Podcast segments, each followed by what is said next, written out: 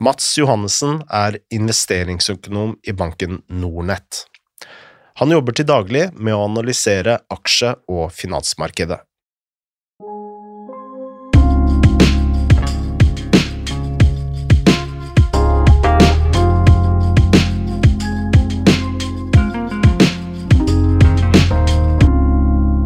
Ja, du kjører Patagonia, Mats. Ja. Åssen endte Patagonia, som skal være et sånn bærekraftig merke, eh, blir liksom eh, finansdressen? Uff, det er vanskelig å si. Jeg tror muligens at eh, det var noe som selvfølgelig, som veldig mye annet, oppstod i New York. At Ja. det var bare noe som begynte med det. Det er jo et amerikansk selskap, og så spredde det seg via sosiale medier, og så ble det bare en, en greie, da. Selv om de selskapet selv vel nok har tatt eh, avstand ifra eh, det kapitalistiske som da bankers er, da. Ja, den nye Lacosten. Mm, det spørs, det. Ja. Alltid vært eh, glad i klær og, og sånt, eller? Jeg? Ja. Nei, nei, nei. Nei. Ikke i det hele tatt. Det ser du sikkert på også, Frode. sånn som jeg sitter, så nei, jeg, jeg har ikke noe spesielt uh... Altså, du er jo en Vålerenga-mann. Ja, det stemmer. Eller Vålerenga-gutt, for du vokste opp på, på Vålerenga, eller Stemmer. Etterstad? Ja, Vålinga. Ja. Stemmer. Du kan ikke ta Altså, du kan gå inn i finansen, du kvitter deg ikke med Oslo-stempelet for det. Nei, og det er jo ganske enkelt når du jobber i, i bank, da, som jeg gjør, for da kan du egentlig bare gå i dress. Og det er jo veldig enkelt for oss gutter, da, at man har et sett man skal ta på seg, og så er det egentlig bare å valge mellom du skal ha hvit eller du skal ha blå skjorte, da. Mm. Så sånn sett så er det egentlig ganske enkelt. Hvorfor er uh, finansyrket så mannsdominert? Oi, det er et godt spørsmål. Jeg tror det går på at det er et ganske nerdete yrke, som gjør at man eh, si, er i kontakt med veldig mye tall, og kan- sitte veldig mye aleine og, nerde, da, i, i anførselstegn. Uh, og, og så jeg, jeg ikke, det, det er et godt spørsmål, jeg har ikke helt forstått det, men man ser det jo selv på studieretningen allerede der, at det er flest menn, det er eller gutter. det.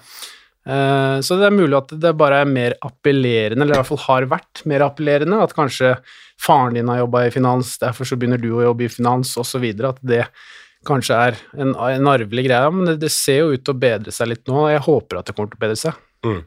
Er det arvelig for deg òg, eller?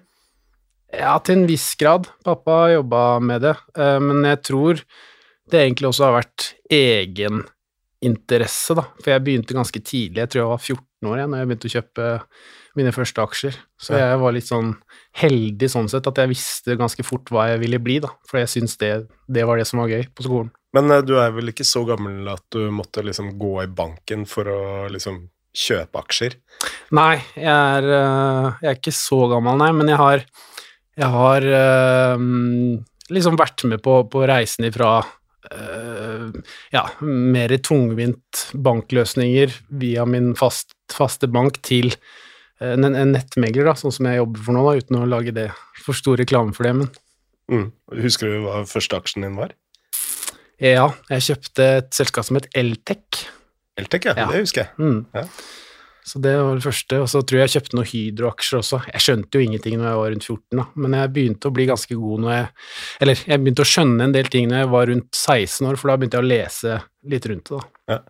Jeg husker min første aksje, det var telecomputing. Ja. Og jeg overtalte hele vennekretsen min og familie til å lesse inn på telecomputing. Eh, og jeg kjøpte vel på rundt 50-60 kroner, tror jeg. Ja. Eh, uka etter så var den nede i 4-5. Ja. Og det var siste gangen eh, jeg kom med finansråd. og det er jo ganske morsomt nå med sosiale medier, hvor du ser YouTube-stjerner og Twitter-stjerner som, eh, som opptrer som eh, aksjepromotører, er vel kanskje riktig ord å, å sette på det. Ja, til og med Finanstilsynet har jo faktisk adressert dette her nå i, i nye høringer, da. Eh, og det er jo spesielt viktig for eh, sånne som meg, da, som jobb, har det som jobb, og, og som har en Twitter-konto også, som i stor grad eh, bruker det til mitt daglige virke, så er det jo veldig viktig eh, at man er moder, moder, modernisert, eller moderisert da, i hva man sier, selvfølgelig, og Mm. jeg er veldig påpasselig med å ikke trekke fram selskaper som eh, ja, kan ha en, kjø, altså, en kjøpsmulighet eller ikke. Da. Altså, jeg prøver å ordlegge meg ganske nøytralt, og heller se på ting som eh, hva skal jeg til å si, en interessant fakt med et spesifikt selskap, snarere enn å si at kjøp den, da. Det, det holder jeg meg langt unna, da. Fordi Mm. det er, det er viktig å være bevisst sitt ansvar, og det er som du sier, det er veldig mange, og har i hvert fall vært, da, veldig mange som på ulike fora har anbefalt da sine følgere å kjøpe ditt og datt, og det er jo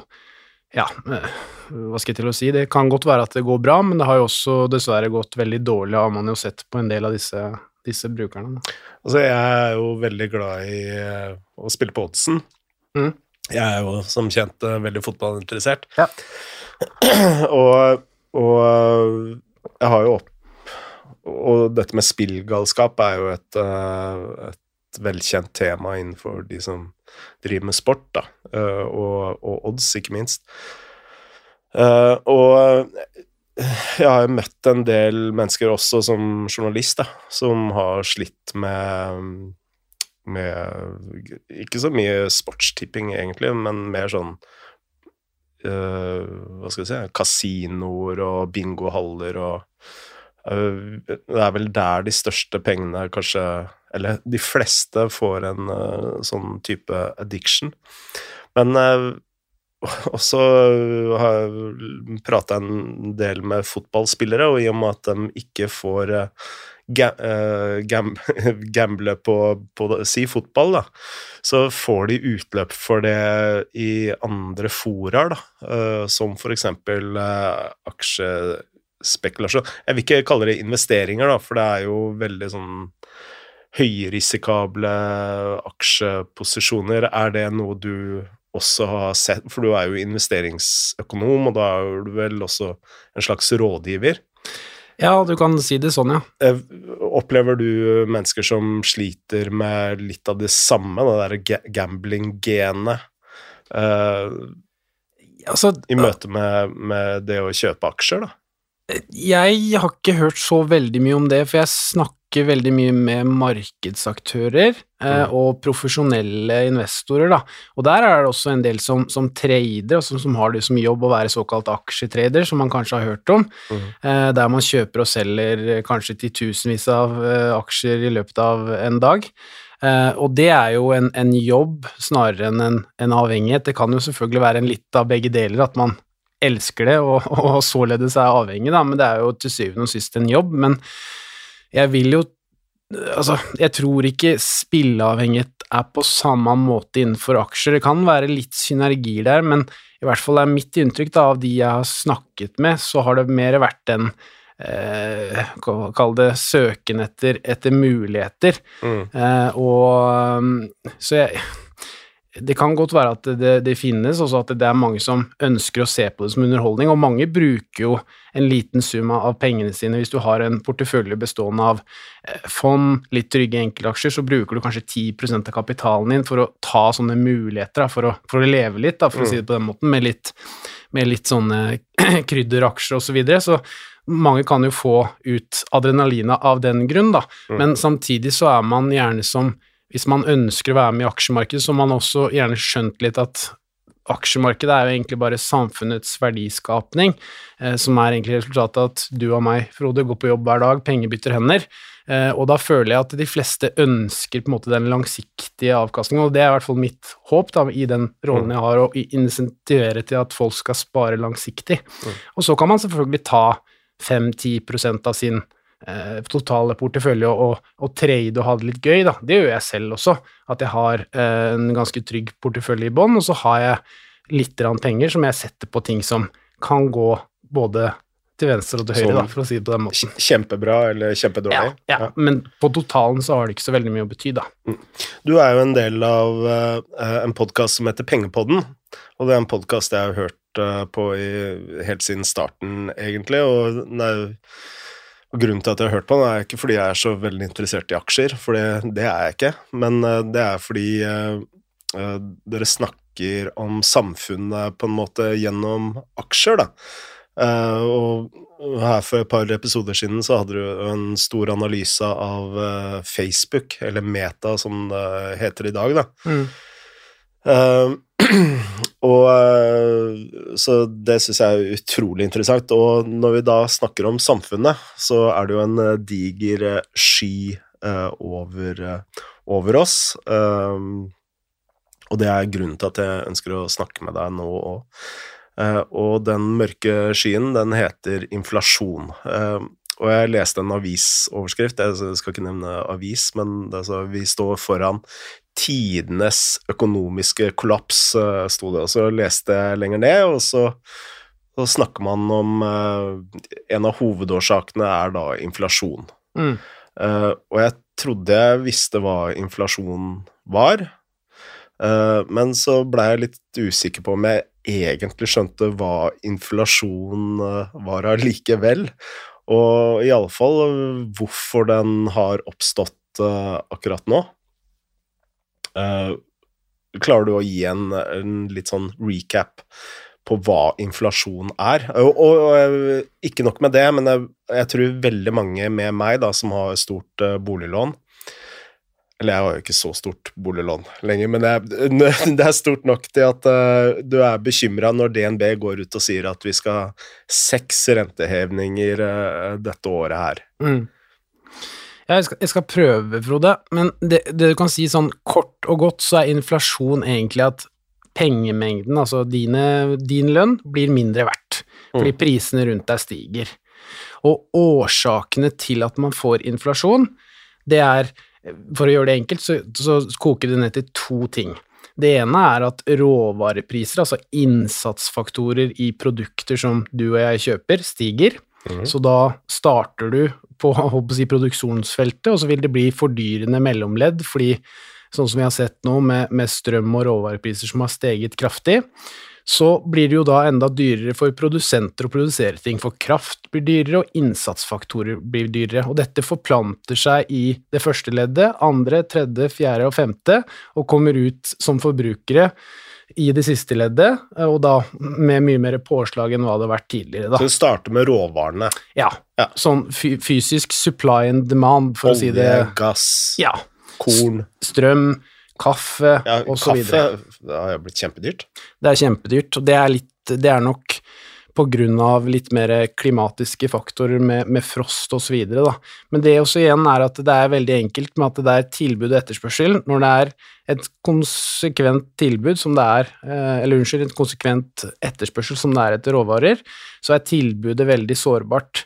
Så hvis du får frost da, i tre uker i, i um, Colombia f.eks., eller et eller annet sted som produserer uh, kaffe, så vil det jo si at avlingen ikke kan brukes, og man mhm. får mye mindre uh, kaffe ut, mens etterspørselen etter kaffe fra meg og deg, Frode, er jo, er jo fortsatt like høy. Ja. Uh, så det gjør jo at jo mindre du har, jo mer vil si, prissensitiviteten være synende, at man må by opp for å få få dette ønskede volumet. Mm. Den andre faktoren, bortsett fra råvarer som er viktig i inflasjonsøyemed, er jo sentralbankene og pengetrykking. Og i de siste par årene så har man trykket dollar eh, i stort monn eh, gjennom Altså rundt eh, i siden egentlig finanskrisen. Hva vil det egentlig si, at man bare eh, slipper mer penger inn på markedet, på en måte? Ja, eh, du kan si det siste vi husker nå, da, i 2020 så trykket jo den amerikanske sentralbanken ekstremt mye dollar for å gi, jeg husker ikke om det var 36 000 norske kroner til enhver amerikaner. Rett og slett for at de skulle klare seg gjennom korona og nedstengninger. Og 40% av alle dollar som har vært i sirkulasjon gjennom historien, har kommet til det siste halvannet året. Det er mm. ganske ekstremt. Og når du da på det vi på pengepolitikkspråket, for, for å nerde litt, kaller M2, altså den totale pengemengden av fysiske dollar eller euro eller norske kroner som finnes i systemet, når den øker, så faller jo initielt verdien av hver eneste dollar du har. Mm. For at du får et økt tilbud av penger eh, som gjør at du inflaterer, som man kaller det, verdien av hver enkelt dollar. Da. Så det er på en måte andre grunnen til at man får inflasjon. Og hvis man spiller videre på hvorfor er det sånn, det er jo at hvis enhver amerikaner får 36 000 kroner på kontoen bare rett over natten, og kan gå ut og kjøpe hamburgere, eh, sykler osv., så, så vil du få prisvekst. Og, det, og, dette var helt uavhengig om du hadde mista jobben din, eller hva slags lønn Så si du hadde 10 000 kroner i måneden, da. Uh, så plutselig får du uh, drøye 40 000 ekstras, uh, selv om du bare hadde tjent 10 000 kroner og heller ikke mista jobben din. Så du, veldig mange amerikanere, kan du si, tjente på korona, eller? Ja, de gjorde sånn du kan si det på den måten. Altså, nå er jo selvfølgelig Det er jo tragisk å si at man tjener på en sånn pandemi, da, men det, har, det er flere som har i hvert fall sagt at de har tjent bedre, for de har rett og slett fått penger fra myndighetene som er høyere enn den lønna de da får som minstelønn. Da. Og jeg har snakket med flere amerikanere som bor i Norge, selv de fikk 40 000 kroner inn på kontoen sin, så det var hver eneste amerikaner da, som fikk de pengene. Og det er klart, eh, når du da, som jeg, sagt, som jeg sa, at du printer opp 40% av alle dollarene som noen gang har vært i omløp i løpet av et år, og deler det ut i realøkonomien, da, som er økonomien som vi ser hver eneste dag når vi kjøper varer og tjenester, så vil du få et press i prisene, fordi eh, konkurransen om eh, gitte råvarer vil jo da føre med til å, å, å, å, by opp prisen, for alle har mer penger, da. Mm. Men øh, hvis man vet det er konsekvent Kan jeg bare spørre, hvilken amerikansk president var det som øh, gjennomførte denne sjekken? Var det Trump, eller var det Biden? Det er vel uh, egentlig begge to. Det startet jo under Trump, for koronaen kom vel i 2020, eh, mm. og har vel bare vid blitt videreført gjennom president Biden, så jeg tror nok ikke det er nødvendigvis presidenten som har sittet på siste ordet her, men det har nok vært både senat og, kongress osv. som har blitt enige om dette her, så mm. Så dette er en sjekk som har gått flere ganger? Ja, den kom vel i to omganger, mm. så vidt jeg forsto. Så det, det, har jo selvfølgelig ikke skjedd i Norge, og det har vel egentlig ikke skjedd i Europa heller, men det skjedde jo da i USA, der man slet veldig da, med, med mm, dette koronaviruset. Ja, for, for, i Europa så har vel disse støtteordningene stort sett vært sånn behovsprøvd. Mm. Og hvis man hadde behovsprøvd eh, denne ordningen i USA sånn som i Europa, ville vil man fått samme inflasjonspresset da, eller? Ja, altså inflasjonspresset er jo øh, Det er jo selvfølgelig litt, vanskelig, og for verden har slitt de siste årene med egentlig å ha inflasjon. For det som er litt rart, at litt inflasjon er bra. Det vil egentlig si at verden går framover, du tjener mer hvert eneste år, jeg tjener mer hvert eneste år, og vi forbruker mer tjeneste hvert eneste år. Så litt inflasjon er bra.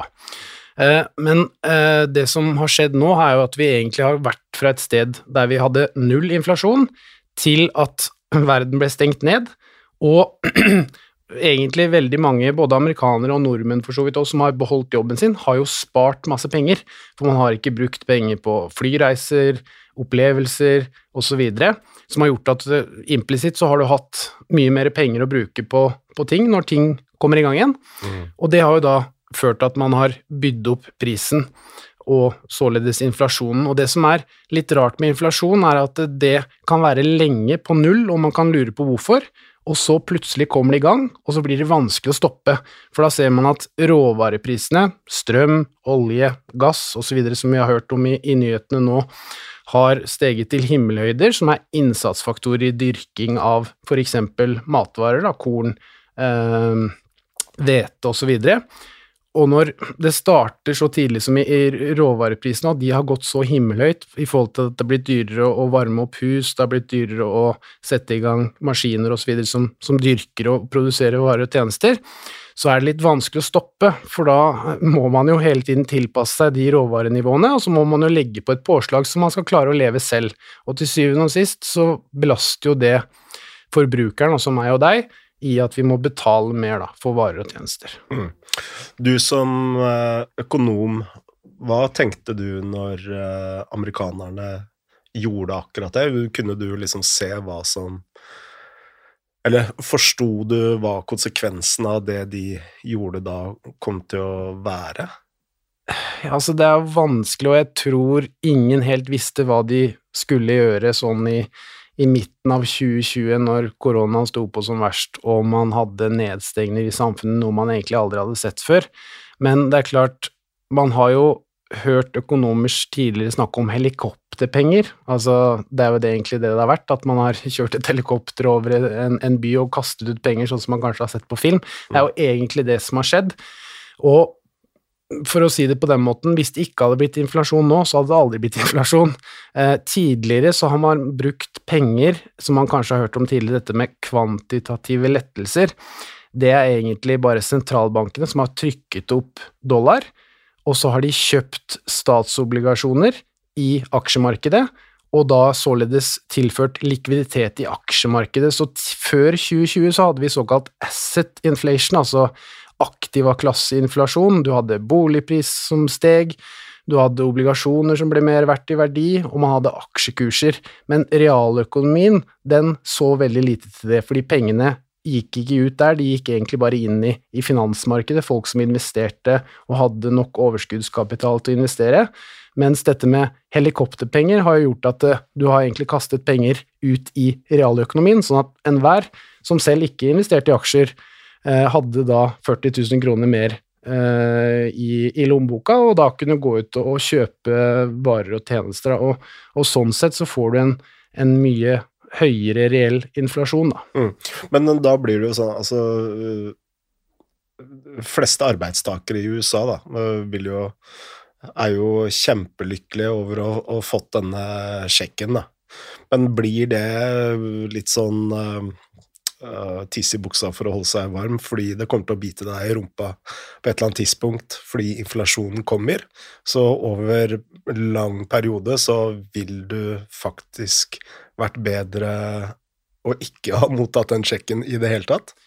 Ja, det, det, er jo et vanskelig spørsmål, men man hørte jo fra eh, sentralbanksjef Jerome Powell i eh, Federal Reserve, altså den amerikanske sentralbanken, som liksom er den viktigste sentralbanken i verden, da, og som alle innenfor finans som jeg jobber i, hører på, for det er liksom han som setter premissene for verdensøkonomien, fordi USA er liksom det største kapitalistiske markedet eh, og har rår over de største ressursene, da. Men det man har hørt han si, er jo at inflasjonen har vært transitory, som det heter, altså at den har vært Den skal forbigå i stillhet etter hvert. Mm. Har jo han hardnakket da snakket om egentlig ganske lenge nå. Men i løpet av de siste eh, styringsrentemøtene så har man jo sett at han har innrømmet at de hadde nok feil. Da. Så de hadde nok et håp om at dette her skulle bare forbigå at ja, det blir litt høyere inflasjon av at vi har trykt opp så mye dollar i systemet og, og ting eh, og flere, flere, amerikanere har penger mellom, mellom, hendene, men vi håper at det vil, det vil gi seg, for det har vært trenden de siste årene før 2020, men så ser man at det ikke fungerer, da. Så, det var jo veldig mange som kommenterte at han tok, tok feil. Ja, ja det, det har, men det er jo også litt med, med, sentralbanker og kanskje myndighetspersoner generelt, da, at det er jo vanskelig å få de til, til å innrømme direkte feil. Mm. Eh, så det har han jo da eh, delvis innrømt nå, da, ut ifra de tolkningene man har sett på dette møtet. Så du kan si at eh, det å pisse i buksa er kanskje en god analogi, ja. Mm. Jeg hørte en eh, podkast, eh, eller Byn-podkast, med en av økonomene i Saxo Bank. Mm. Og han mente at Christine Lagarde, som er da sentralbanksjefen her i Europa, mm. Og Powell, at uh, innen økonomi så var det de to mest udugelige menneskene som fantes. Ja. Uh, jeg skal ikke sette deg på spotten og, og, og gjenta det, men det høres jo helt merkelig ut at mennesker med så mye kunnskap og så mye ansvar uh, ikke kan se det så veldig mange uh, ser. Mm. Jo, samtidig, men samtidig så tror jeg nok du står overfor en både samfunnsmessig og politisk eh, skvis der, da, i forhold mm. til at man hadde noe man aldri har opplevd tidligere. Altså, verden var jo stengt ned. Det har jo vært helt ekstremt. Altså, det har ikke vært lov å omtrent bevege seg ute i noen perioder i løpet av de siste to årene, så jeg tror at eh, dette her ble si, et prosjekt som man bare måtte prøve ut for å gjøre noe i det hele tatt. Mm. Eh, og rett og slett bare sørge for at ikke alle mistet jobben, og således, hvis du hadde bare kjørt det uten at noen hadde hatt penger, da, så hadde det vært Jeg vet ikke hvor mange millioner mennesker som hadde blitt fattige, mistet boligen sin, og økonomien således hadde gått i en veldig, veldig kraftig resesjon, da. Eh, Så det kan være at eh, hvis man veier litt økt inflasjon, kanskje et år eller to framover i tid nå, eh, gjøre opp da for eventuell den skaden det hadde gjort og ikke gjort noen ting, og mange hadde mistet jobben, man hadde fått stor fattigdom, og kanskje også økt kriminalitet og politisk ustabilitet på grunn av at samfunnet hadde blitt rett og slett veldig preget da, av at veldig mange hadde gått under. Så jeg tror det, det er sikkert mange forskjellige svar, og jeg vet ikke, men det er i hvert fall det jeg har tenkt, at du har Det er ikke bare ett svar, da, for å si det på den måten. Det er kanskje valget mellom to onder. Ja. Mm. Altså, de som eh, er glad i historie, eh, har jo fått med seg aksjekrakket på 20- og 30-tallet. Mm. Eh, og så vet man også at andre verdenskrig også til dels ble De bakenforliggende årsakene var jo inflasjonen i Tyskland. Mm. Og du snakka om politisk ustabilitet. eh, Nå har vi stått på randen av krig med, med i Russland og Ukraina nå de siste ukene, men hvis man ikke får kontroll på inflasjonen, kan man ende opp eh, i sånne situasjoner igjen? Ja, altså det som skjedde på, i Tyskland, spesielt på 30-tallet, var jo såkalt hyperinflasjon. At man hadde ukontrollert prisvekst, samtidig som at valutaen den tiden, da, som var tyske mark, falt kraftig mot eh, andre valutaer. For valutaer handles i par, altså euro mot norske, eksempel, som vi er Mm. vant med, som er rundt ti kroner. Så å, hvis den ene stiger, så må den andre tape seg. Så det er et sånt nullsumspill i valutamarkedet, da, bare for, for å forklare det. Så hyperinflasjon er egentlig kraftig, kraftig prisvekst, samtidig som at valutaen eh, faller. Og det har vi jo sett i nyere tid, faktisk i Tyrkia, med den tyrkiske liren har jo falt helt kraftig, eh, i tillegg til at inflasjonen da har steget helt voldsomt, og det har man også sett for så vidt i Brasil, eh, og i en del andre sånne utviklingsland, da, der det er politisk ustabilitet. Så det, det bunner gjerne i politisk ustabilitet, og sender eh, valutaer mot andre kraftig ned, og da stiger jo også prisene, fordi enhver krone blir mer, og mindre og mindre verdt, som gjør at du må bruke flere og flere kroner for å kjøpe et brød og et egg osv. Mm. Hvordan eh, kommer man da seg ut av uh, inflasjon? Men, men bare tilbake, så du tror ikke vi ender opp i en sånn hy hyperinflasjons... Nei, For for nå er vi i samme båt, på en måte? egentlig ikke, for hvis du ser på den amerikanske dollaren mot krona eksempel, så er den veldig høy Mm. eh, historisk. Eh, det samme egentlig, så det er egentlig krona som er svak her da, i forhold til de, eh, de, forhold til de respektive valutaene som euro og, og, og dollar, da, som vi er vant med. Men det som er viktig for en sentralbank da, som styrer pengepolitikken, eh, du har regjeringer som utøver statsbudsjett, som da mm, styrer såkalt finanspolitikk, mens pengepolitikken er rente og allokeringspolitikk. Så for å motvirke inflasjon, så må man sette opp renta. Og det er jo det man hører også nå rundt omkring, både i Norge og for så vidt i, i verden, at rentene skal oppover. Og det eh, rentevåpenet bruker sentralbanken for å stagge økonomien.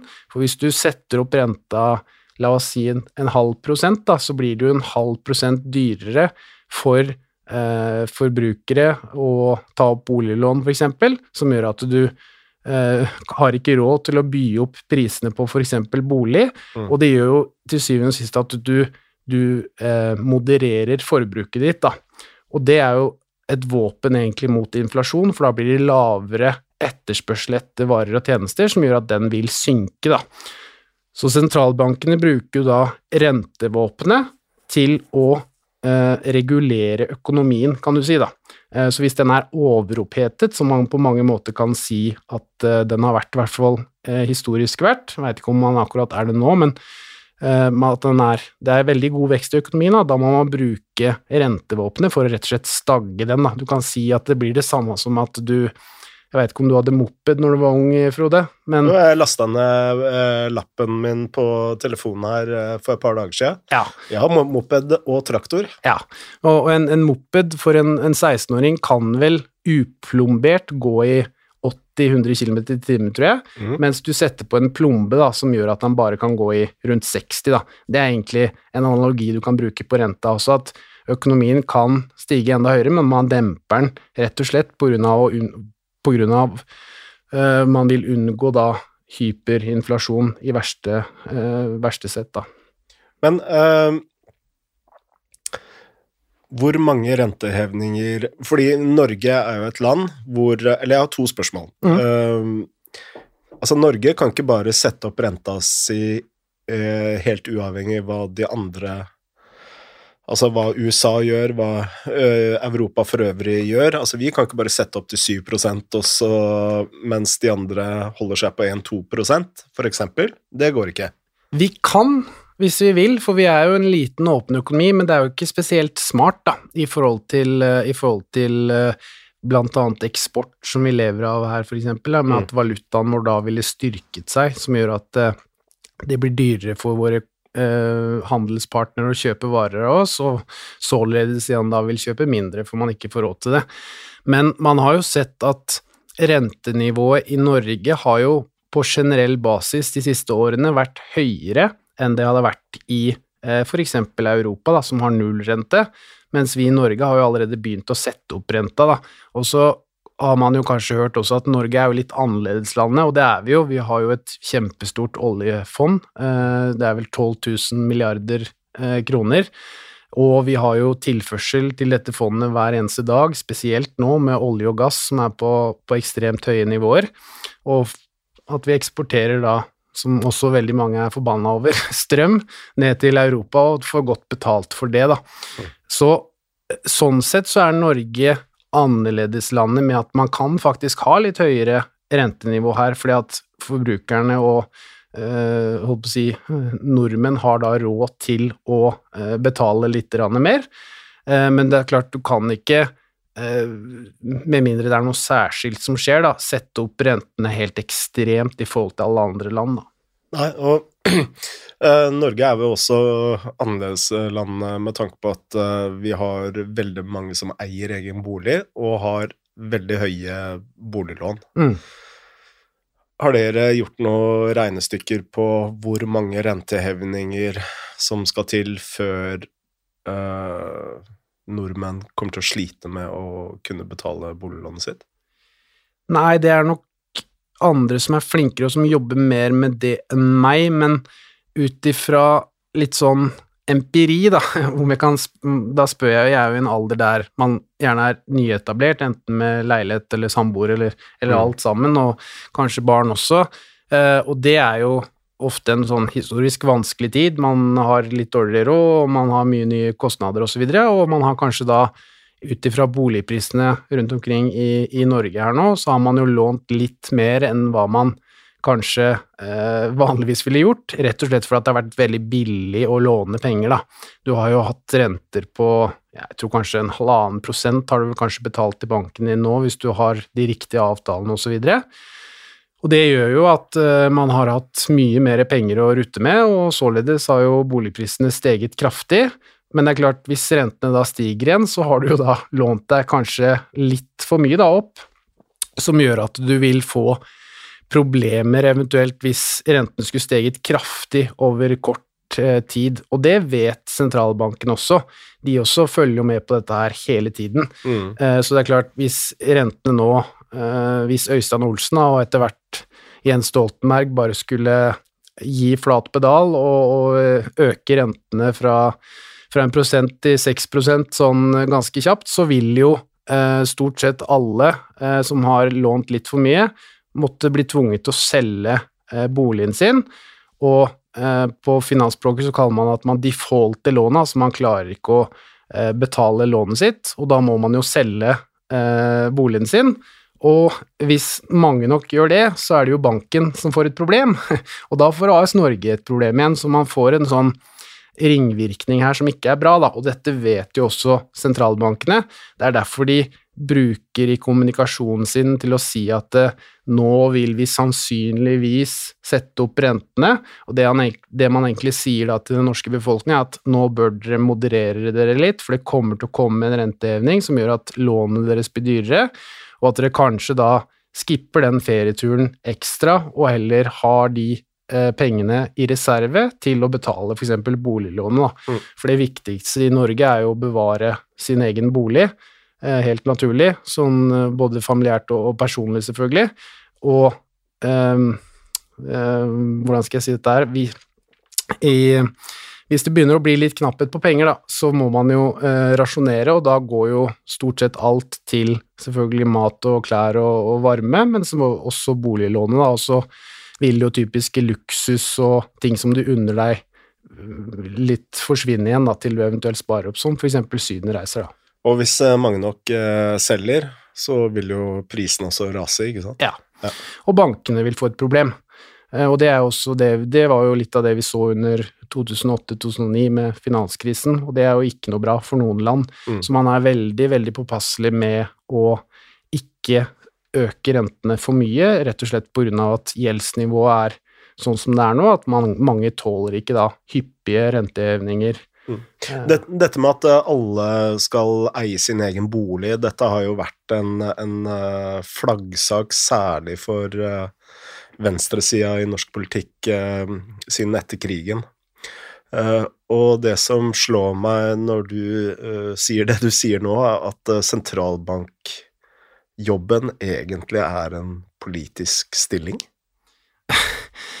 Nei, altså det har, det har vært styrken eh, i Norge, at man ikke har At man har hatt uavhengige eh, sentralbanksjefer i forhold til Men det er jo eh, ganske nytt, det er jo de siste 30-40 åra. Ja, og man skal egentlig heller ikke se på boligprisene. Det er jo heller ikke noe de har i sitt mandat, men det er klart at det, man er jo nødt til å skue på det når ting har blitt som det har blitt, at eh, boligprisene har steget kraftig. Eh, man har et økt gjeldsnivå i befolkningen rett og slett av at bolig har blitt dyrere. Mm. Så man er jo nødt til å eh, ta hensyn til det. Men egentlig så skal sentralbankene bare se på økonomiske data og bruke rentevåpenet til å enten øke eller begrense kapasiteten i økonomien. Sentralbanksjefen skal egentlig være han uh, døve regnskapsføreren som uh, stopper festen? Ja, du kan si det sånn. Du er i hvert fall veldig teoretisk og skal se på økonomiske data og være rasjonell i forhold til det, da. Nå har det jo vært uh, kjempedebatt rundt sentralbankstillingen. Hva tror du er motivasjonen for en gammel uh, arbeiderpartimann og, og, statsminister til å gå inn i en sånn stilling. For det virker jo veldig sånn politisk uh, Jeg kan jo ikke si noe om motivasjonene, men det, den kan ha en uh, politisk motivasjon, da. Uh, med tanke på det du snakker om boligpriser, eksempel. Er det en uting, tenker du? Ja, altså her var det jo to kandidater med hun Iva, Ida Bakke Jensen, som har jobbet i sentralbanken over lang tid og har veldig god økonomisk erfaring, da. Mens uh, Jens Stoltenberg har jo da ekstrem politisk erfaring, uh, og så er han vel også samfunnsøkonom, og han har vel også enda permisjon fra en stilling fra SSB eller noe sånt, tror jeg. Så han er jo samfunnsøkonom, og han har sikkert et veldig høyt intellekt. Eh, men jeg syns jo kanskje ut ifra tidligere sentralbanksjef, da, som var Øystein, eller nåværende sentralbanksjef, som er Øystein Olsen, så syns jeg det kanskje det er litt rart at de velger Jens Stoltenberg. Eh, men samtidig så kan man jo si at han har en enorm politisk eh, erfaring, og han har vært både finansminister og hatt mye, mye, internasjonale verv, og man så jo også i den stillingsannonsen at de ønsket at man skulle være mer internasjonal enn hva man har vært tidligere. Mm. Eh, så da ble, det, da ble det han, da. Mm. og det er jo Det får man jo eh, Og så, og så er det jo selvfølgelig en, en uh, akilleshæl, mener jeg, da, at man alltid kan stille spørsmål til eh, om det er politisk motivert, med tanke på at han fortsatt vil være medlem av Arbeiderpartiet og ikke melde seg ut av LO, da. Det syns jo jeg kanskje er en, en svakhet sånn sett, da. Mm. Eh, men nå er det blitt som det er blitt, og, og han kommer sikkert til å gjøre en, en veldig god jobb som, som sentralbanksjef, men, eh, men eh, det har vært et eh, interessant en interessant sfære å holde følge med. Egentlig det samme som Vi hadde jo en diskusjon også når det kom en ny oljefondsjef med Nicolai Tangen. Mm. Der ble jo kanskje diskusjonen enda mer opphetet, for det, der kom det jo en rik mann som hadde lykkes, og det er jo ikke alltid like godt, uh, like godt ivaretatt og, og, og ønsket i Norge. Uh, men uh, det var jo på den siden i hvert fall absolutt den beste kandidaten vi kunne få, og Norge er jo faktisk veldig heldig som har en sånn dyktig ressurs som Nicolai Tangen som oljefondsjef. Mm. Ja, altså det, det er jo litt slående hvordan de to har blitt behandla ulikt. Eh, og jeg må jo si at jeg, jeg syns jo at eh, begge de to stillingene bør jo være veldig uhilda, da. Eh, så jeg mener jo det var riktig at uh, Nicolai Tangen måtte selge seg ut av sitt eget hedgefond, men det er veldig rart at eh, Jens Stoltenberg ikke må gjøre det samme. Mm.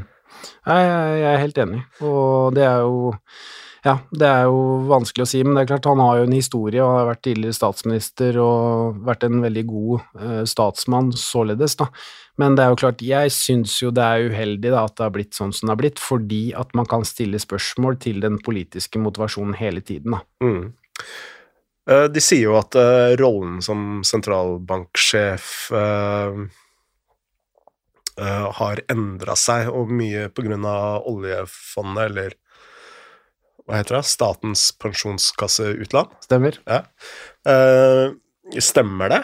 Eh, for han, nå skal han jo være sjefen i gåseøynene til Nicolai Tangen. Ja, ehm, ja, den har jo til en viss grad forandret seg. Verden har jo forandret seg helt ekstremt bare på de siste 20 åra. Egentlig mm. fra introduksjonen av nå går vi alle rundt med en iPhone eller en, en smarttelefon i lomma, da, som gjør at du egentlig har hele verden i, i lomma, og således egentlig er mye mer involvert i verden da, enn hva vi var kanskje før. Eh, så sånn sett så har det nok litt forandra seg, og man er jo avhengig av økonomiske data utad for å agere på ting innad, da, i og med at vi eksporterer og importerer veldig mye varer og tjenester i Norge, siden vi er en liten, åpen økonomi. Og for i hele tatt å fungere, så er vi nødt til å være åpen mot verden og handle varer med våre handelspartnere, og ikke minst eksportere eh, varer til den store, vide verden. Da. Så sånn sett så kan du si at eh, rollen har forandra seg, men samtidig så skal jo ikke sentralbanksjefen være aktiv i eh, Kall det handelsforgreininger osv. Han, han eller hun skal jo bare egentlig holde styr på norsk økonomi, eh, eksporten og importen, og eh, verdiskapningen vi har på fastlandet, og ikke minst eh, det vi produserer ute i Nordsjøen, og agere rentemessig på det, da. Om Mm. man skal stagge økonomien for at det går veldig bra med å sette opp renta, eller om man skal sette ned renta hvis økonomien går litt dårligere og man vil skyte fart, da. Eh, Man snakker litt om eh, Vi kan ikke gå i slipp på Tangen helt, eh, helt enda. For nå snakker vi om oljefondet. Vi kan bruke ordet oljefondet, ikke sant? Det kan vi. Ja, bra. Det er veldig mange eh, som mener at eh, det kun er et indeksfond, for vi har da 70% i aksjer som Mm. skal da bli forvalta som et indeksfond. Uh, og du som uh, Altså, jeg kan jo se forskjellen på en god og dårlig fotballspiller, og du kan sikkert se uh, forskjellen på en god og dårlig investor. Hva er det som gjør Nicolai Tangen så utrolig god? Det som gjør Nicolai Tangen utrolig god, er jo at han har skapt resultater. Finans er jo veldig enkelt eh, resultatmessig, egentlig det samme som, som fotball for din del, Frode. At hvis et lag vinner hele tiden, så Mm. er de jo gode. Mm. Det samme gjelder jo egentlig en, en forvalter av et fond. Hvis han hele tiden skaper avkastning som er bedre enn eh, hva eh, konkurrentene klarer, så er han jo flink. Da gjør han jo åpenbart noe bra.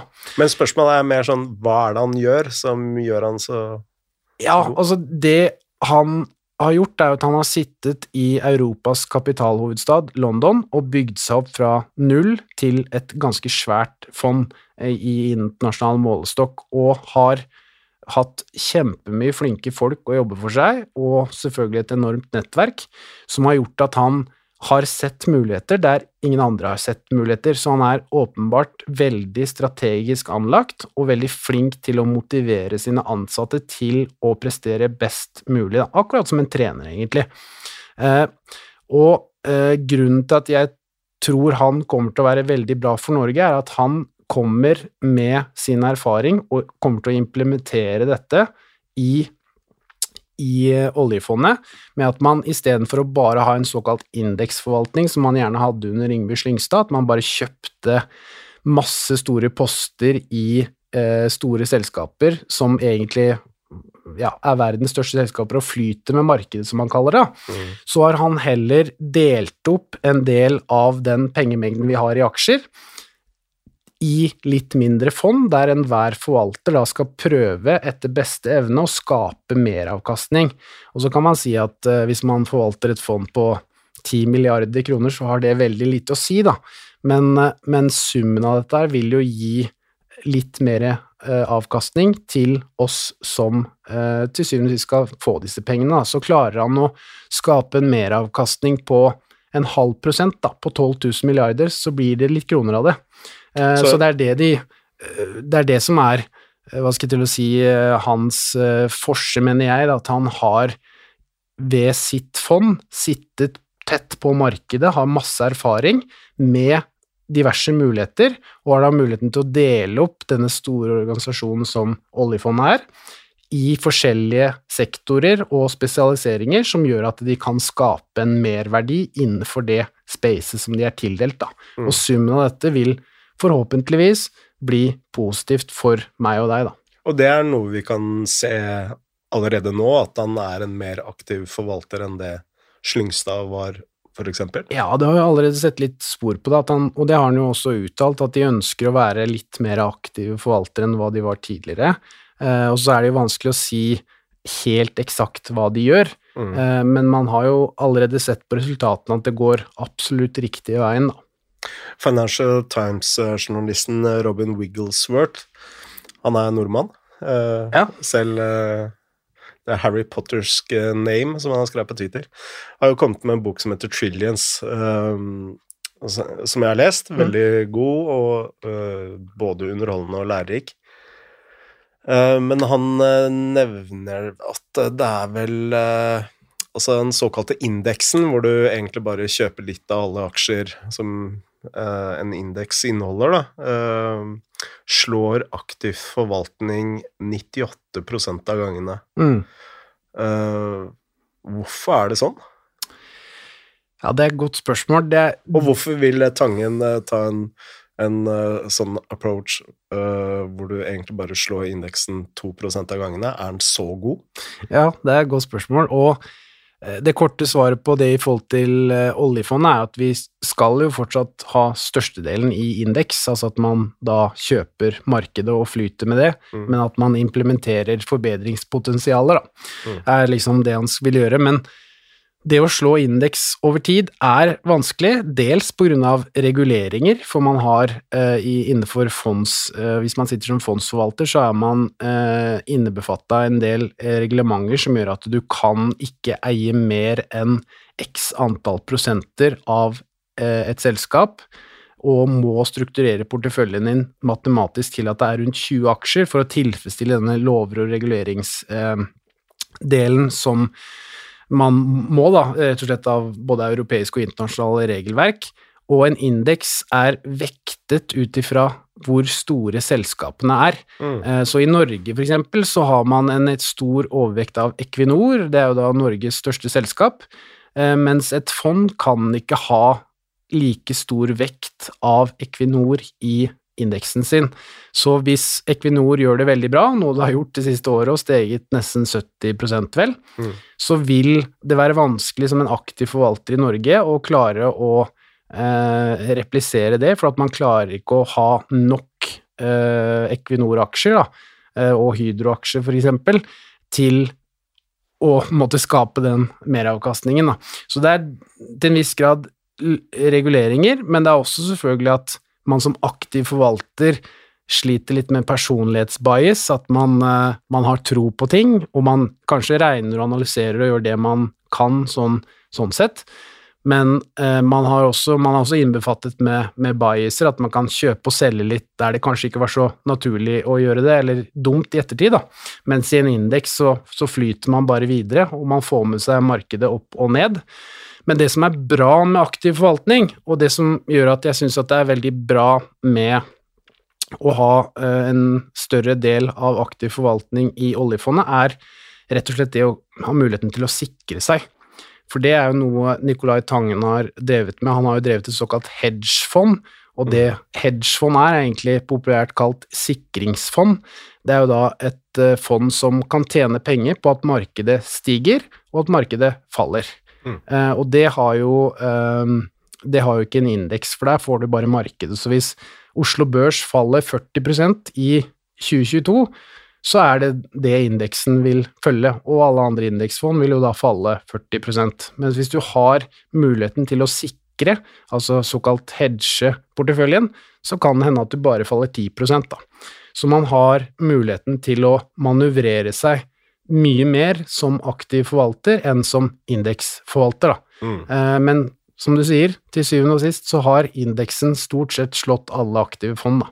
Så det er jo som vanlig sparer, som meg og deg er, og som ikke jobber med dette, eller som ikke har interesse av det, så anbefaler jeg jo veldig å bare kjøpe et globalt bredt indeksfond, og da får du med deg samfunnets verdiskapning hver eneste dag og hvert eneste år, da. Med Men det- litt opp- og nedtur. Men det er veldig interessant det du sier, fordi jeg, det er vel eh, meg inkludert.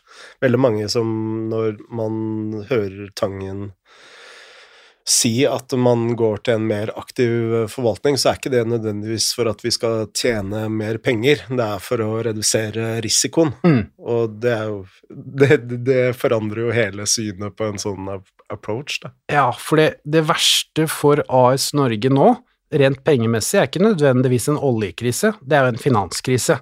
Mm. For hvis verdens aksjemarkedet faller 50% så er de 12 000 milliardene vi har på bok, plutselig 6000 milliarder.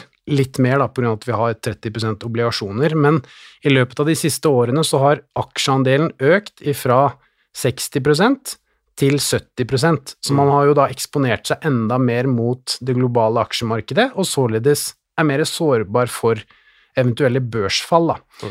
Og det er det som gjør at jeg syns det med, med, med taktikken og strategien til Tangen med å bli mer aktiv forvaltende er bra, for man har kommet opp på et så høyt nivå nå at man er, om det er verdens største pensjonsfond, vi eier vel 1 av hver eh, av aksjekapitalen i verden nå, Eh, og det gjør jo at du har jo et ansvar til å beholde den rikdommen, da, og kanskje blir mer defensiv. Sånn har man jo sett med Det gjelder jo egentlig alt, at eh, Mm. hvis man er toppidrettsutøver, så er det ikke så lett å bli så veldig mye bedre hvis man vinner eh, La oss si Therese Johaug vinner med et halvt minutt på ti kilometer, så er det vanskelig å bli så veldig mye bedre, men hun ønsker jo å forsvare posisjonen sin som nummer én. Og det er jo egentlig det eh, implisitt man gjør, da, med å være mer aktiv og bruke mer sikringsstrategier for oljefondet. Nå som eh, gassprisene har eh, flydd i, flydd i været, eh, og oljeprisene for så vidt, går rett og slett bare enda mer penger inn på dette oljefondet, da, eller? Ja. Så det tilfaller ikke Så, så det er jo forståelig at uh, st- statsministeren gnir seg litt i hendene og er litt sånn gnien på, på å ha en makspris på strøm, eksempel. eh. Ja, og Er det også en Beklager at jeg avbryter, men er det også en motivasjon til å få flere gassledninger til Europa? Ja, det kan det jo være. Eh, Nå har vi jo hatt en eh, problematikk med at EU, altså Europa, da, er jo en veldig stor eh, importør av gass, eh, i tillegg til selvfølgelig UK, da, eh, som ikke er medlem av, av EU lenger. Og det har jo vært litt av problematikken eh, i forhold til dette med Russland og Ukraina som man har sett nå, at eh, Russland er også en veldig stor tilbyder av gass, men de bruker jo da gassen som en brekkstang eh, mot Europa for å få det som de vil, da. Og nå har det jo heldigvis blitt tilbaketrukket styrker der, og det ser ut til i hvert fall Men det er særlig Tyskland da, som importerer den gassen? Ja. Eh, så det er klart at eh, dette her har jo som alt mulig annet blitt at man har jo en, en, en høy etterspørsel etter oppvarming og energi, og eh, når det er lite tilbud av det, så vil prisene stige kraftig, da. Eh, og for Norges eh, tilfelle, og spesielt Equinor, da, som har rundt 50% av sin inntjening i gass, så er det jo vært et fantastisk Altså en såkalt perfect storm da, med ganske høye oljepriser, men helt ekstremt høye gasspriser, da, som har gjort at man har tjent enorme penger, og kommer nå til å skatte 202 milliarder norske kroner til statskassa, som er da det tredje mest skattede selskapet i hele verden. Altså bare Apple og Google betaler mer skatt. Eller 37 000 kroner per nordmann, som Equinor eh, betaler. Mm. Så det er jo Det sier jo meg i hvert fall at vi må ikke kutte olje og gass helt enda, og gå helt, helt grønn. Uh, er det også motivasjonen for at uh, Tyskland ikke vil slippe Ukraina inn i Nato? Ja, altså, den politiske delen der er jeg litt usikker på, uh, men til syvende og sist så går jo alt på tilgang til ressurser, og når mm. et land mangler primærressurser som olje og gass og oppvarming er, da, så vil man jo eh, selvfølgelig ønske, eh, rent politisk, å få en, en løsning på, på, um, på det. Eh, og det er jo det som er hele essensen her, med, med, Russland som står på sitt, og så har man et betent Ukraina der Russland har uh, sine interesser, og så har du selvfølgelig EU på sin andre side som har sine interesser, så vil man få en politisk eller en diplomatisk konflikt da, for å løse dette her, men egentlig til syvende og sist så går det på tilgangen på ressurser, og de som har dem, de ønsker jo å selge seg dyrt, mens de som eh, ønsker de, selvfølgelig, ønsker jo da å få det billigst mulig, så da får man jo en del sånne insentiver og politiske konflikter som jeg ikke nødvendigvis er ekspert på, men hvis du ser rent markedsmessig, så er det jo egentlig bare tilgangen på ressurser, mm. og få de billigst mulig for de som ønsker disse ressursene, og for de som selger det, så er det ønskelig å, at de betaler mest mulig, da. Mm. Du var litt inne på fornybart og, og Equinor og eventuelt det å stenge, stenge oljekrana. Hvis vi begynner med strømprisene, da så har jeg skjønt at det er mange årsaker til at eh, strømprisene har gått opp. Altså det er lite vann i magasinene, gassprisene har økt, og det er uh, uavhengig av disse gassledningene som vi nå skal sette i stand til Europa. Altså en helt annen årsakssammenheng. Men i tillegg så har du at vi har begynt å eksportere mer gass fra Norge til Europa. Hvis øh, man skal sette en sånn prosentsats på årsakssammenhengene til at øh, strømprisene nå har økt, hvor vil du legge hovedskylda, øh, på en måte? Nei, altså til en viss grad så er det jo, som du var inne på, klima, det får man ikke gjort noe med. Om det regner mer eller smelter for mye snø eller for lite snø, det er jo, så, sånne ting er jo opp til naturen. Men det er klart at når man eksporterer mye av sin strøm ut av landet, så mm. blir det jo også mye mindre strøm i, i, Norge, som gjør at prisene stiger, da. Så det er klart at du har jo en, en full kombinasjon her med klimatiske faktorer, men du har også den markedsmessige faktoren at man som et land da, ønsker å eksportere ut strømmen sin via Statkraft, og tjene masse penger på det, da, som man har sett. Statkraft tjener jo enorme summer nå eh, for, eh, på grunn av eksporten av dyr strøm til eh, kontinental-Europa. Og så har jo vært problemet vært at vi i Norge har jo vært vant med billig strøm hele, egentlig over lang tid, og er jo bygd på billig energi. Det er jo litt av grunnen til at vi klarer å leve her oppe, egentlig. At vi har uh, truffet jackpot i forhold til det med naturressurser, olje, uh, aluminium, vannkraft osv. For industrien vår er bygd opp rundt uh, billig energi. Ja. Det er bygd ut rundt vassdrag. Hydro har jo annet et stort aluminiumsverk i Sunndalen der det er masse tilgjengelig vann og, og, og, flere andre steder som kanskje hadde vært avbefolket hvis det ikke hadde vært et, en hjørnesteinsbedrift. Er jo bygd på naturressurser. Eh, og så har det jo nå den siste tiden da blitt eksportert ut overskuddsstrøm eh, mm. til Europa, for de, er, de har jo ikke disse naturressursene, så de er vant med å betale mye mer penger for både strøm og gass enn det vi er i Norge. Og så har man jo nå kommet i en, en skvis der eh, Eh, Klimaet igjen har gjort at man ønsker en eh, mye høyere eh, Eller man forbruker mye mer energi i forhold til å varme opp, varme opp hus og, og hjem. Mm. Og strømmen har således steget kraftig, og man har da i tillegg eksportert ut overskuddet, som gjør at du i visse tilfeller må importere tilbake igjen for å få nok strøm gående i Norge. Da. Man mm. kan ikke lagre strøm, så man er avhengig av å hele tiden forbruke dette her. Eh, og det har jo da ført til ekstremt høye priser i Norge, og stor misnøye, selvfølgelig.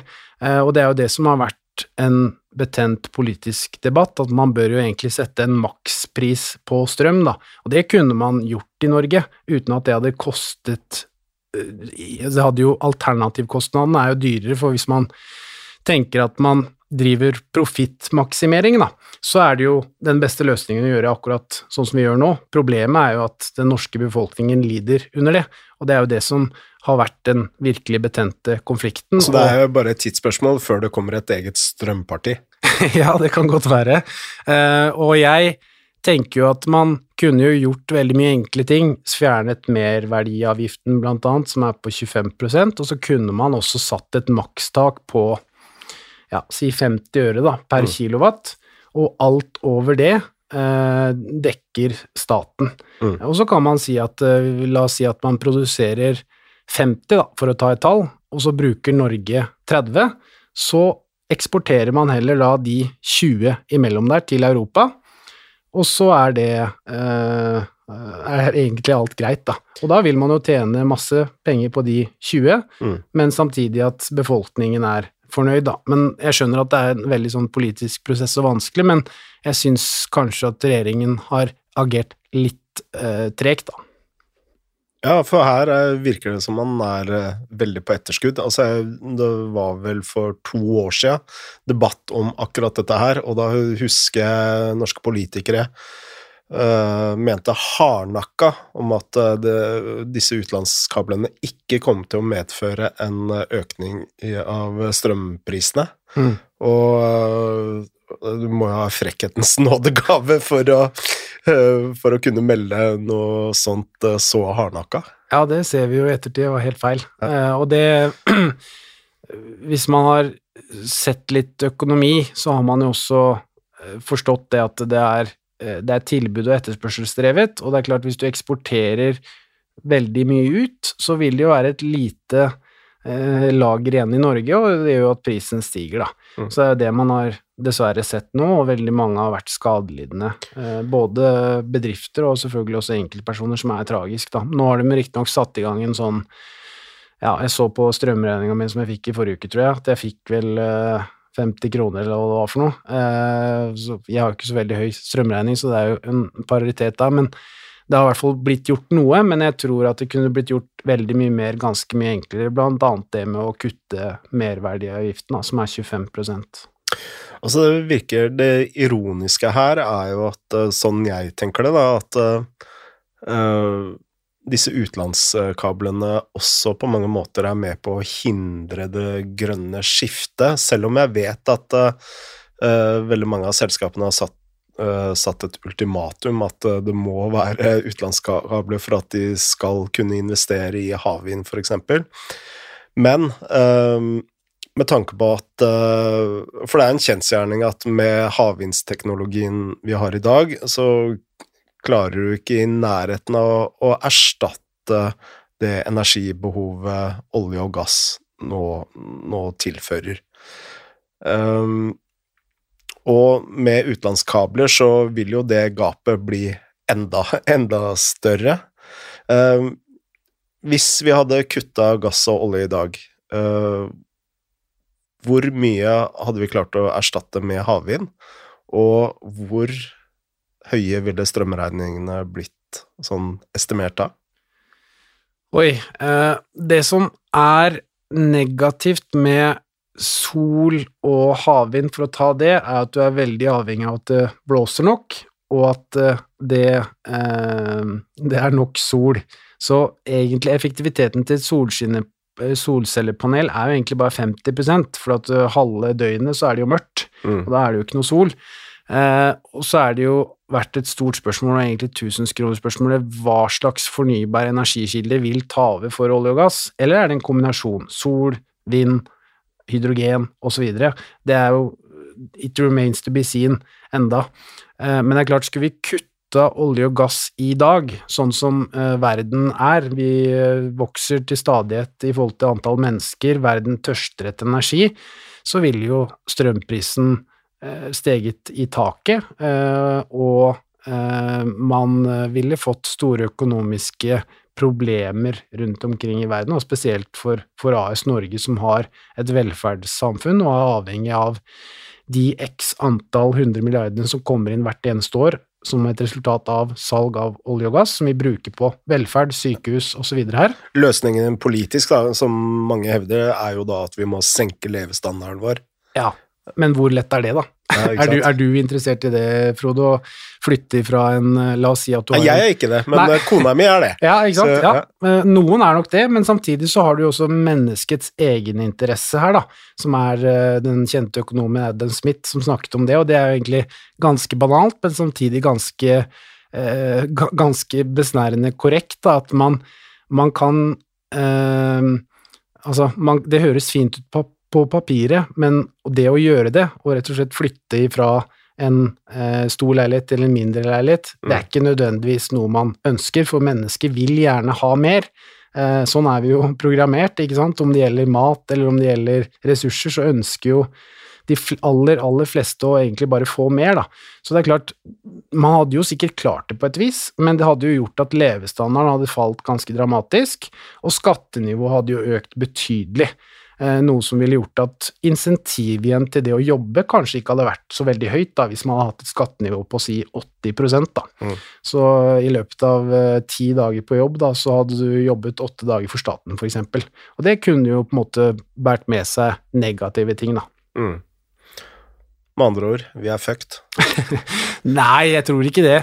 Jeg tror nok Altså Teknologien er i en rivende utvikling, og nå er jo kanskje det store spørsmålet når begynner man å tillate atomkraft, eller kjernekraft, da, som kanskje på mange måter på den, Noen hevder i hvert fall at det, for, det resulterer i det fornybare skiftet, og det som, at det er, det er det som skal være hoveddriveren til det grønne skiftet.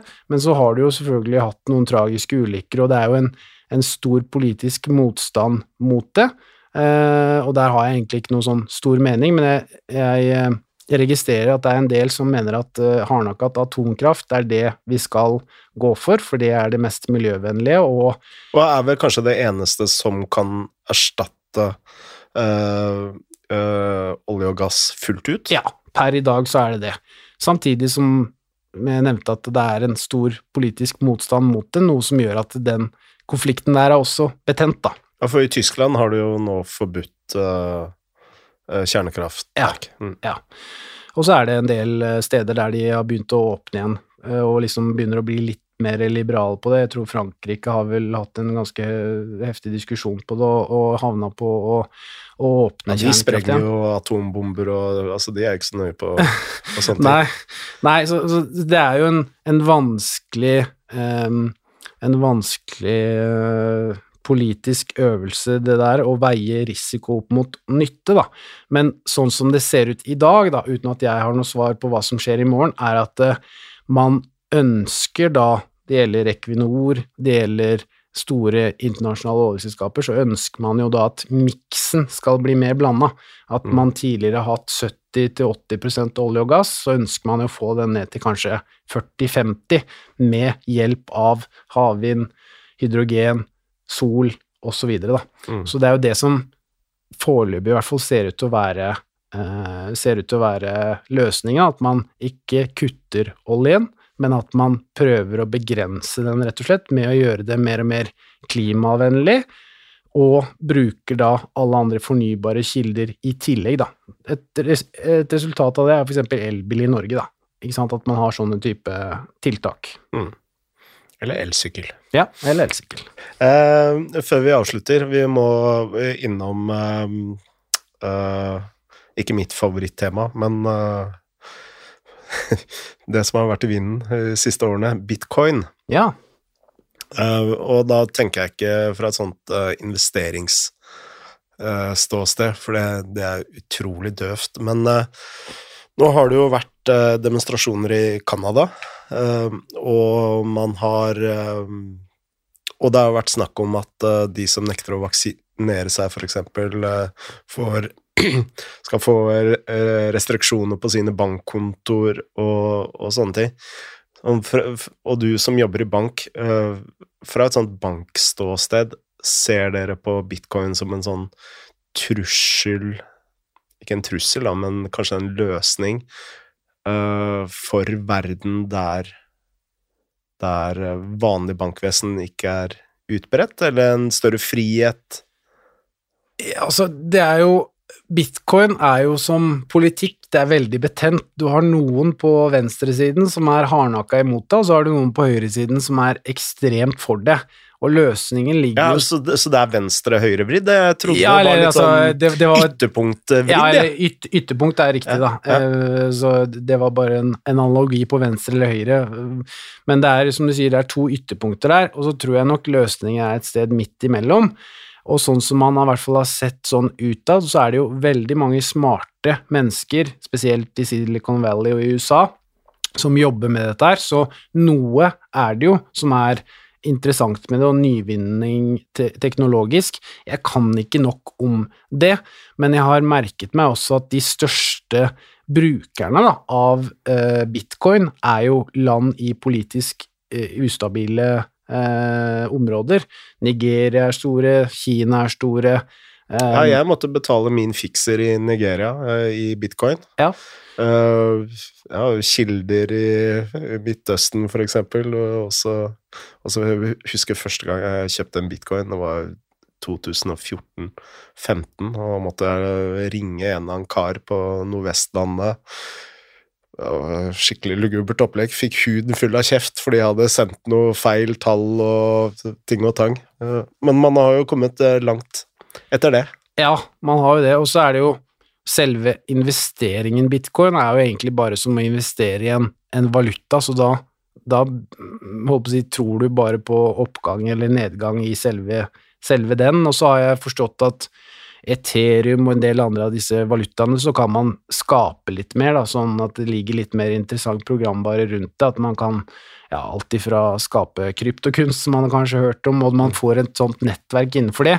Jeg er ikke sånn kjempe jeg er ikke sånn kjempebelest innenfor det, men jeg prøver å, å forstå litt. Men jeg har, det jeg i hvert fall har forstått, er at det er eh, en økende mengde kanskje av yngre, i hvert fall, som, som vokser opp med dette her og tar det som en naturlig del av finan det finansielle systemet. Da.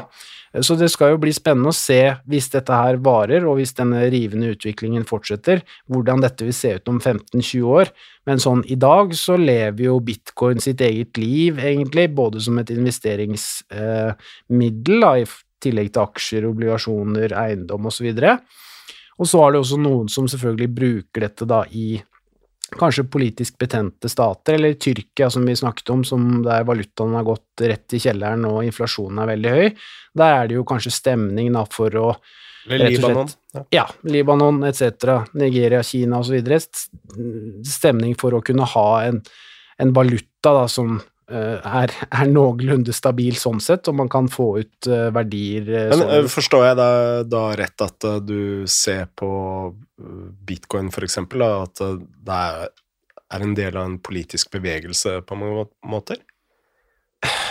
Ja, altså, bitcoin kom vel i kjølvannet av finanskrisen i 2008-2009. Mm.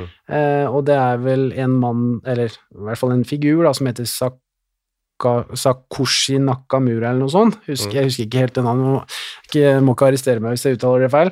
Eh, og mange har jo hevdet det at det er jo et eh, ja, en slags bevegelse mot, kall det det vanlige Fiat-systemet, da, som er pengesystemet, eller dollar, norske kroner, euro. Mm. Og så ser man jo at noen som er på den ene siden, eh, er jo veldig pro dette her, og veldig da negativ til Fiat, eller vanlig valuta, og så har du de som er veldig negative til bitcoin igjen, da. Har du Så- opplevd det samme med enkeltaksjer? At det blir en sånn Altså, du hadde jo GameStop-aksjen som blei en sånn, men har du sett det mer i sånn vanlige aksjer, at det, det er sånt uttrykk for eh, Akkurat som du går med en Levis-bukse, eller at det blir et sånt eh, plagg på, på en eller annen måte? Ja, altså vi så jo i hvert fall en periode når bitcoin var voldsomt på vei oppover, og alle spådde det til x antall 100 000 dollar per, per bitcoin, så var jo så skulle jo alle selskaper bytte og begynne med bitcoin, og kursene steg jo helt kraftig, da, fordi at det var det nye, da. Og så la jo den eh, hypen seg litt, og nå er det jo litt mer den harde kjerne, kanskje, som, som jobber med det, da, og som, som er eh, Som har veldig troen på det framover. Mm. Eh, men hvordan, hvordan dette her vil, vil gå videre, det er vanskelig å si, for det er jo også en del eventuelle reguleringer som settes i, i kraft her, på at uh, man eh, Kanskje noen sentralbanker og politiske stater bruker den, nettopp den politiske betente delen som vi snakket om, til å eventuelt regulere det, da. Eh, og så tror jeg nok det er veldig bra at ting blir regulert, for da blir det også mer legitimt. For sånn som det har vært nå, så har det jo vært ganske uregulert, og det har vært ja, ymse, ymse folk som har brukt det, kanskje, både til eh, lovlige og kanskje ikke lovlige ting, da. Mm. Eh, og det er jo selvfølgelig ikke bra, Akkurat ting- som kontanter.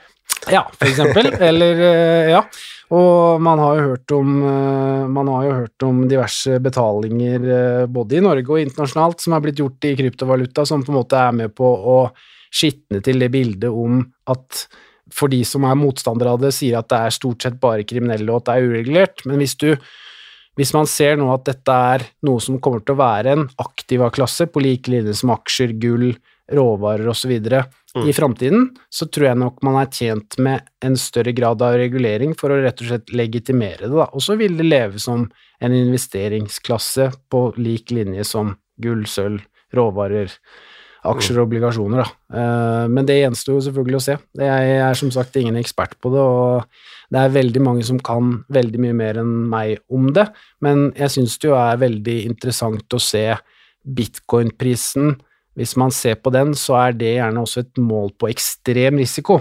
Så man så for eksempel i 2020 så steg jo bitcoin-prisen helt voldsomt, og så så man også på børsene at de begynte å stige ganske kraftig igjen etter dette krakket som vi hadde, eller krakk og krakket, men vi hadde i hvert fall 30% ned på de globale indeksene av koronaen, da. Og gjerne når børsene faller, så faller bitcoin enda mer, da. Så det er kanskje en, en, et parameter nå på om markedet er i såkalt risk on-modus, altså at man ønsker å ta mer risiko og kjøpe aksjer, eller om man er i et såkalt risk off-modus, at man da velger å selge aksjer, og selvfølgelig da selger enda mer bitcoin, da. Men med mer regulering så vil jo også litt av funksjonen forsvinne, da. Det Ja. å, å For eksempel, da kan ikke jeg betale fikseren min eh, nødvendigvis i, i Nigeria. Nei, ikke sant, så det er, og det er jo det som er vanskelig og det er det som jeg var inne på i, i starten her, at uh, løsningene er vel et sted midt imellom, for de som er hardnakket på denne siden, ønsker jo at det skal være uregulert, og det skal være rett og slett en, en, en kall det en fristat da, innenfor uh, betalingsmidler. Eh, mens eh, den andre delen vil jo ikke akseptere det fordi at det er uregulert, da. Så eh, om løsningen er midt imellom, eller om det forblir som det er, det vil jo selvfølgelig bare fremtiden si, da. Og, men det er i hvert fall en, en interessant aktiva klasse som har virkelig kommet til syne, og som er på alles lepper nå og har vært de siste par årene. Altså det, er jo, det, er jo, interessant med innovasjon. Innovasjon er jo gøy, Frode. Mm. Det er jo litt av grunnen til at jeg er veldig, veldig glad i aksjemarkedet og onde tunger kan kalle meg en kapitalist, da, men som en kapitalist så har du et insentiv til å drive ting videre, og man ønsker å skape noe nytt og innovere seg, og således så vil jo verden gå videre. Ja. Og det er jo det som er gøy. Man ønsker jo ikke å stå på stedet hvil, man ønsker at verden skal gå videre. Apropos kapitalisme, og altså du er jo en uh, Vålerenga-gutt, um, og i fjor så var det jo VG-oppslag om uh, såkalte Rolex Boys i Vålerenga. ja. eh, altså fotballspillere som har kjøpt seg Rolex. Og eh, i 2022, vi starta samtalen om med inflasjon, Eh, hva er den tryggeste og beste investeringen? En uh, Rolex eller uh, et indeksfond i 2022? Nei, altså jeg Jeg har jo sett det at Hva skal jeg til å si Håndfaste ting har jo steget helt kraftig, så klokkemarkedet da, på mm. globalt nivå har steget voldsomt de siste årene, og det er veldig enkelt, det òg. Det er et limitert tilbud, og det er en helt ekstrem etterspørsel, noe som har gjort at en, en, Rolex i dag er mye dyrere enn det han var for tre år siden, da, mm. og således vært en god investering. Eh, men jeg mener jo at hvis du skal kjøpe en fin klokke, da, så skal du gjøre det på basis av at du syns at det er en fin klokke, da, og så skal du investere helt rasjonelt i et globalt indeksfond og ta del av egentlig ja, alle disse klokkeprodusentene som eh, ansetter nye folk og, og, og skaper verdier. Eh, og det får du igjen i aksjemarkedet. Men, men, en eh, god Rolex, det er en god investering? Jeg ser du har en Rolex på armen din. Det har i hvert fall vært det. Ja. Og jeg for min del har aldri kjøpt en, eh, en, Rolex hvis den ikke hadde holdt seg eller eh, steget i verdi. Ja, for du er jo tross alt en kapitalist. Stemmer. Ja.